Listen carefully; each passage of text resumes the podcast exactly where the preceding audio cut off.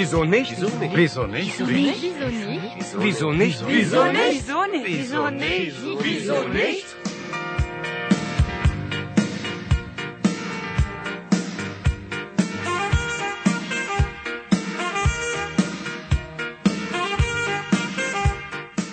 Goethe-Institut Jakarta didukung Deutsche Welle dan Internationals mempersembahkan program pelajaran bahasa Jerman Wieso nicht?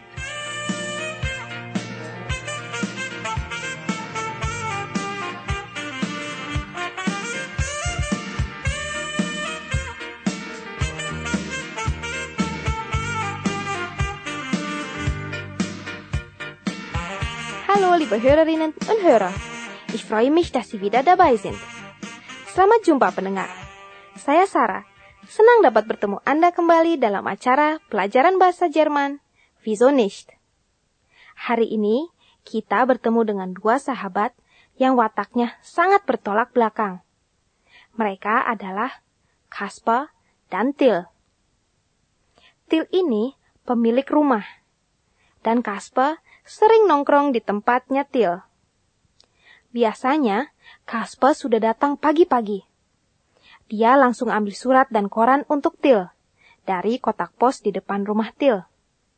Lalu, mereka sarapan berdua sambil membahas berita di koran. Til mempunyai kebiasaan tersendiri. Apa kebiasaannya itu? Dan ist da noch der Nachbar. Er steht gern am Zaun und schaut zu. Tetangga ini suka berdiri di depan pagar dan ikut mendengarkan pembicaraan Til dan Kasper. Bagaimana pendengar? Apakah Til suka dengan kebiasaan tetangganya ini? Oh, da kommt schon der Kasper. Er will mit Til frühstücken. Was steht denn heute in der Zeitung? Di koran ada cerita yang menarik. Cerita apakah itu? Daripada Anda penasaran, ayo kita dengarkan episode hari ini. Viel Spaß! Szene 9.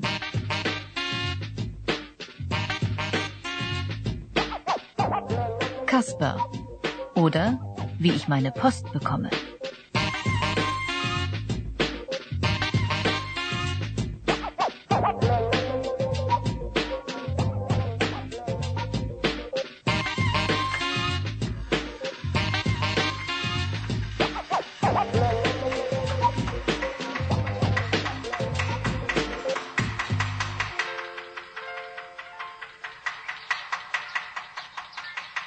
Ich wohne am Waldrand. Von der Stadt hört man wenig. Ein Rauschen, wenn das Fenster offen ist. Nur nachts ist es still. Vielleicht, weil es dunkel ist. Das hat Kaspar gesagt. Nachts ist es ganz ruhig. Vielleicht, weil es dunkel ist. Ach so, Sie kennen Kaspar gar nicht? Kaspar ist mein privater Briefträger, wenn Sie so wollen. Hallo Till, die Post ist da. Hey du, aufwachen, Kaffee machen. Hey Till, die Post ist da. Kaspar bringt mir morgens die Briefe und die Zeitung. Er ist eigentlich kein Briefträger, aber naja, es macht ihm halt Spaß, wenn er meine Post aus dem Briefkasten holt und sie mir bringt. Dafür trinkt er dann Kaffee mit mir. Auf der Bank vor dem Haus. Und mein Nachbar steht am Zaun und schaut zu. Till, steh auf, mach Kaffee. Die Post ist da. Oh, Moment, ich komme ja schon. Oh, mein Kopf. Wie spät ist es denn? Ja, komm rein, Kaspar. Was hast du? Tut der Kopf weh? Hm, zu viel getrunken. Hab ich schon gedacht. All die leeren Flaschen hinter dem Haus. Hm. Zu viel gesoffen. Du bist ein Vielsoff. Oder wie sagst du? Och, hör schon auf. Philosoph meinst du? Hm, Das hat nichts mit Saufen zu tun. Nichts mit Saufen zu tun. Womit hat es denn zu tun? Hm, Mit, na, mit Philosophie eben.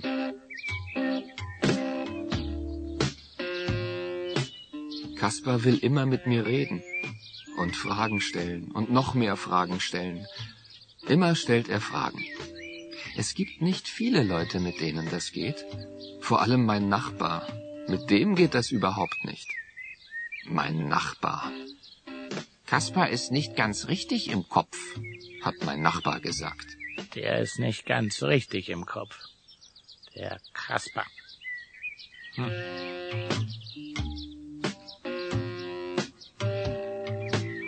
Nicht ganz richtig im Kopf, von wegen. Wenn einer hier spinnt, dann mein Nachbar. Aber nicht Kaspar. Der ist nur ein bisschen speziell. Manchmal tanzen ihm die Wörter durch den Kopf und dann fängt er an mit den Fragen. Und mein Nachbar steht die ganze Zeit am Zaun und hört zu.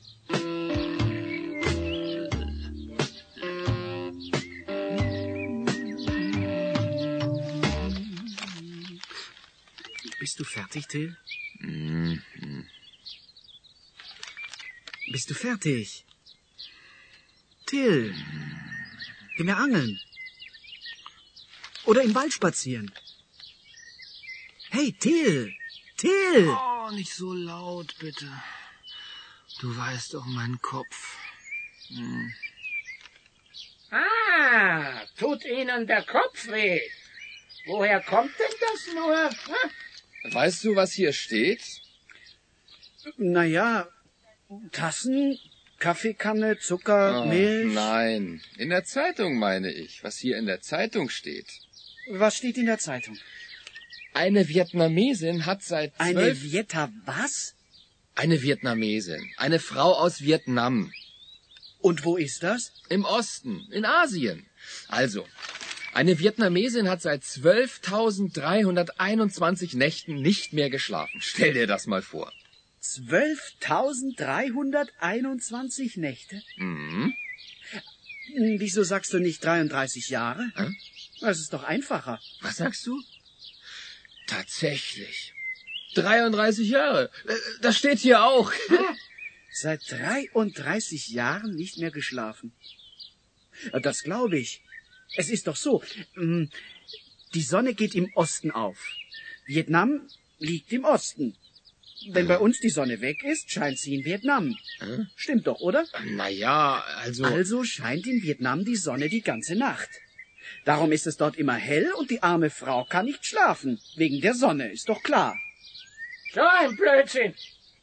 Die Sonne scheint nirgends in der Nacht. Auch in Vietnam geht die Sonne in der Nacht unter. Dann ist es dort auch dunkel. Ist ja nicht ganz richtig im Kopf. Kaspar, das ist ein Blödsinn.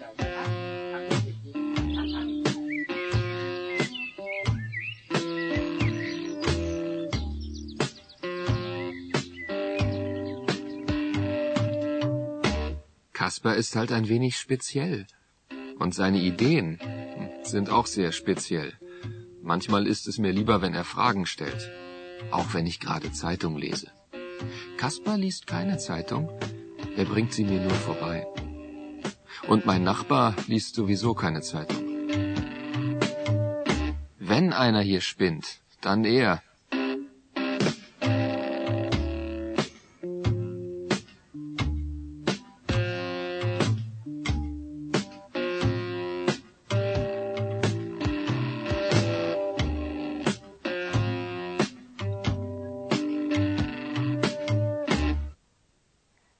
Pendengar, sangat unik ya Kaspa dan Til. Sifat mereka sangat berbeda, tetapi toh mereka cocok. Si Kaspa yang sangat lugu itu suka bertanya pada Til. Til ini adalah seorang ahli filsafat, berarti ia seorang pemikir. Dan ia suka minum. Mungkin kalau ia minum pikirannya jadi lebih jernih. Atau sebaliknya. Tentu, tidak semua orang suka dengan kebiasaan Til ini. Tetapi sebaliknya, Til juga tidak suka dengan kebiasaan tetangganya yang suka mencemoohkan Kasper dan suka ikut campur dengan urusan orang lain. Der Nachbar sagt, der ist nicht ganz richtig im Kopf, der Kasper. Aber Till meint, der Nachbar ist nicht ganz richtig im Kopf. Menurut Till, si tetanggalah yang kurang waras, bukan Kasper. Ketika Til dan Kasper membaca koran, ada satu berita yang menarik perhatian mereka. Eine Vietnamesin hat seit 12.321 Nächten nicht mehr geschlafen. Seorang wanita Vietnam sudah 12.321 malam tidak pernah tidur. Kenapa ya? Kaspa mempunyai suatu teori. Menurutnya, karena Vietnam letaknya di timur, maka di sana matahari bersinar terus dan tidak ada malam. Seperti biasa, si tetangga lebih tahu dan berkomentar, So ein Blödsinn. Memang, kita juga tahu, teori Kasper ini tidak benar. Dan seandainya benar, berarti kita di Indonesia pun juga tidak pernah tidur.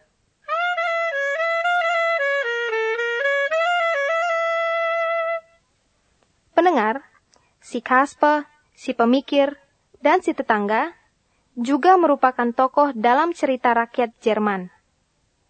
Mereka ini mencerminkan sifat-sifat manusia pada umumnya. Pada zaman dulu, cerita rakyat itu dipentaskan oleh kelompok teater jalanan yang suka keliling dari desa ke desa. Kelompok teater jalanan seperti itu sekarang sudah hampir tidak ada di Jerman. Zaman sekarang, cerita-cerita rakyat itu hanya dibawakan oleh anak-anak dalam bentuk permainan boneka yang dikenal dengan Kasperle Theater. Nah, bagaimana di Indonesia? Ya, kalau di Indonesia masih ada pertunjukan wayang. Dan sampai sekarang masih sangat digemari masyarakat luas.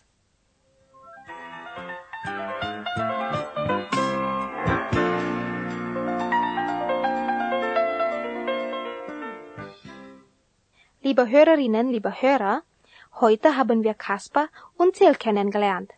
Und auch den Nachbarn. Hari ini kita telah berkenalan dengan Kasper, Till, dan tetangganya. Kita telah mendengar juga tentang peranan teater boneka di Jerman. Nah, pada episode berikutnya, si tetangga mengalami suatu musibah. Apa musibahnya itu? Dan Bagaimana reaksi Kaspar dan Till? Wollen Sie wissen, wie es mit Kaspar, Till und dem Nachbarn weitergeht? Dann hören Sie unsere nächste Sendung. Ich verabschiede mich für heute. Vielen Dank fürs Zuhören. Tschüss, Ihre Sarah.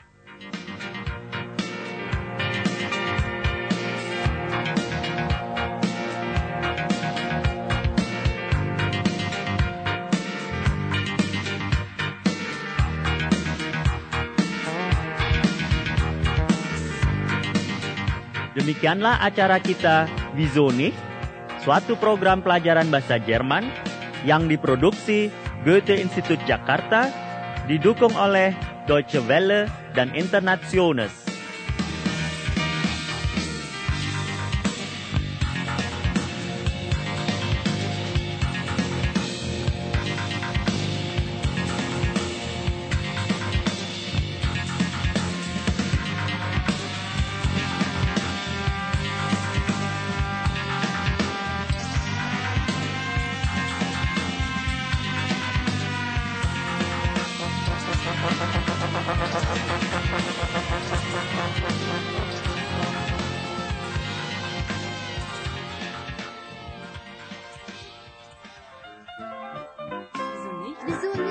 Nicht?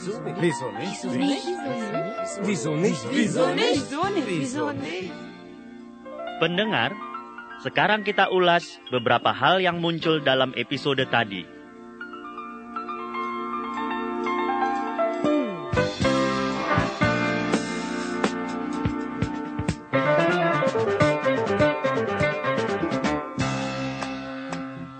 Liebe Hörerinnen, liebe Hörer, Till und Kasper frühstücken gerade. Till hat die Zeitung in der Hand. Er fragt Kasper, Weißt du, was hier steht? Naja, Tassen, Kaffeekanne, Zucker, Oh, Milch. Nein, in der Zeitung meine ich, was hier in der Zeitung steht. Was steht in der Zeitung? dalam kalimat-kalimat tadi, kata kerja stehen mempunyai arti yang berbeda-beda. Der Nachbar steht am Zaun. Der Nachbar steht am Zaun. Si tetangga berdiri di depan pagar. Penggunaan kata kerja stehen di sini dalam arti yang sebenarnya, yaitu berdiri. Namun, dalam bahasa Jerman, kata kerja stehen juga dapat dipakai dalam arti yang lain. Was steht in der Zeitung? Was steht in der Zeitung? Apa yang tertulis di koran? Die Tassen stehen auf dem Tisch. Die Tassen stehen auf dem Tisch. Cangkir ada di atas meja. Die Uhr steht. Die Uhr steht. Jam itu berhenti. Das Kleid steht dir gut. Das Kleid steht dir gut. Baju itu cocok untuk kamu.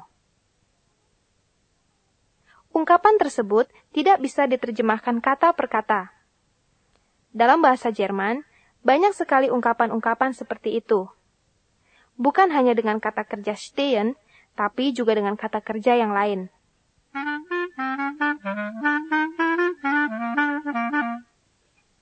Liebe Hörerinnen, liebe Hörer, Bekommen Sie gern Post? Ich glaube schon. Jeder bekommt gern Post. Zum Beispiel Briefe, Postkarten, Pakete oder Päckchen. Wer bringt Ihnen die Post? Ja, der Briefträger oder der Postbote. Und was macht Kasper immer? Der holt die Post aus dem Briefkasten. Jadi, Yang dimaksud dengan kata post ialah surat, kartu pos, telegram, atau paket. Selain itu, pos juga berarti kantor pos. Ich gehe zu Post und kaufe Briefmarken. Ich gehe zur Post und kaufe Briefmarken. Saya ke kantor pos dan membeli perangko.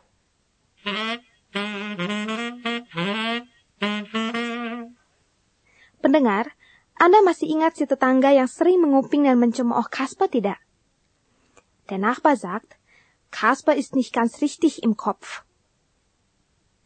Untuk menyatakan bahwa seseorang agak kurang waras, kita bisa berkata, Der ist nicht ganz richtig im Kopf. Der ist nicht ganz richtig im Kopf. Der spinnt. Der spinnt. Der ist ja blöd. Der ist ja blöd. Tetapi, hati-hati jika ingin memakai ungkapan ini, karena ungkapan ini tidak begitu sopan. Kaspar ist nicht ganz richtig im Kopf, hat mein Nachbar gesagt. Der ist nicht ganz richtig im Kopf. Der Kaspar. Hm. Nicht ganz richtig im Kopf, von wegen. Wenn einer hier spinnt, dann mein Nachbar.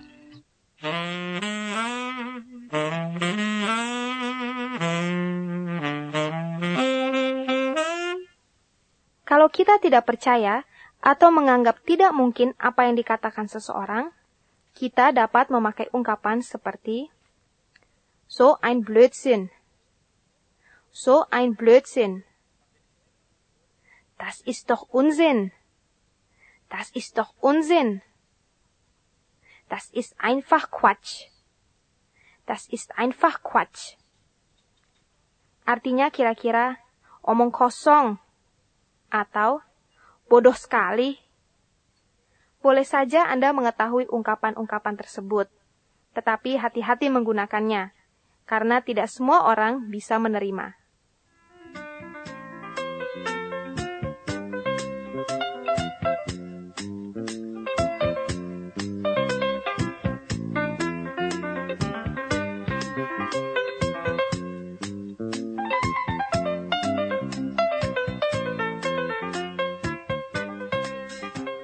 Sampai di sini dulu ulasan kita hari ini.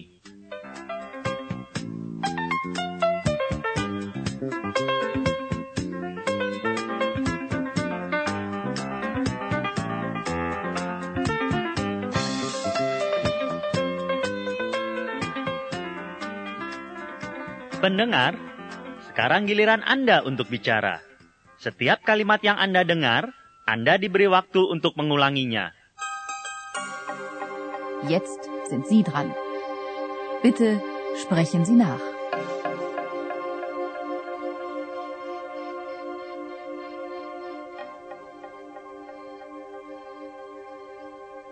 Der Nachbar spinnt.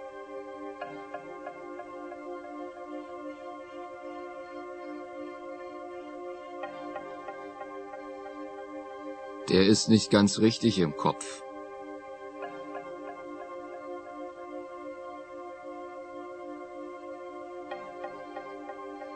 Der ist so blöd. Echt doof.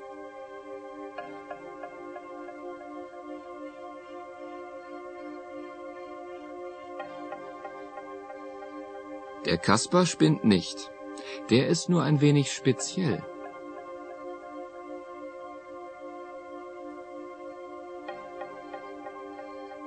Er stellt einfach viele Fragen.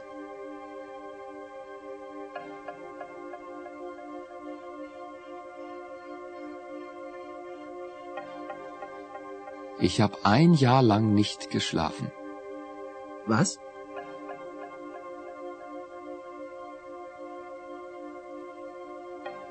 Ja, ich habe zwölf Monate nicht geschlafen. Wie bitte?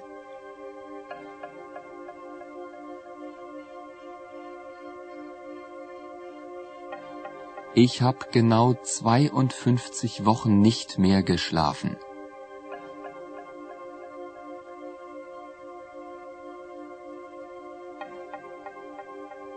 Und wie viele Tage sind das?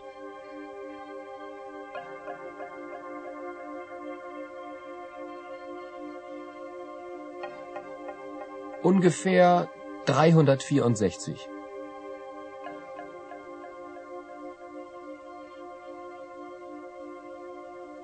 Aha, ich hab's. Die Frau kann wegen der Sonne nicht schlafen.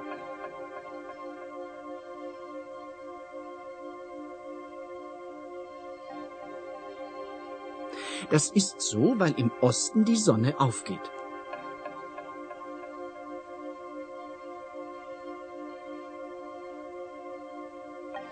Es ist doch so. Im Osten geht die Sonne auf.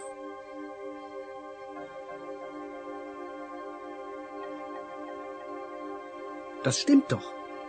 Das ist doch klar.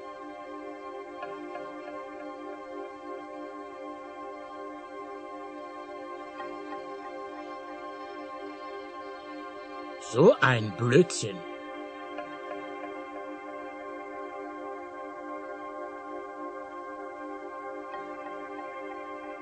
Das macht doch keinen Sinn.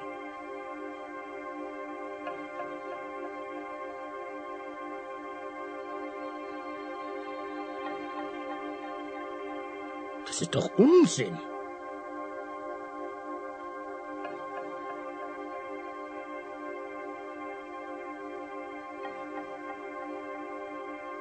Das ist einfach Quatsch.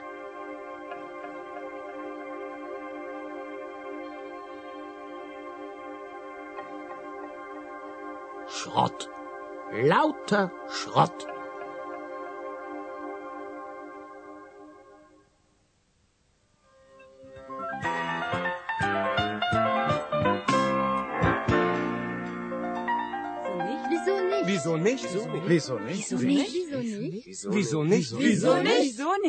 Visonnet,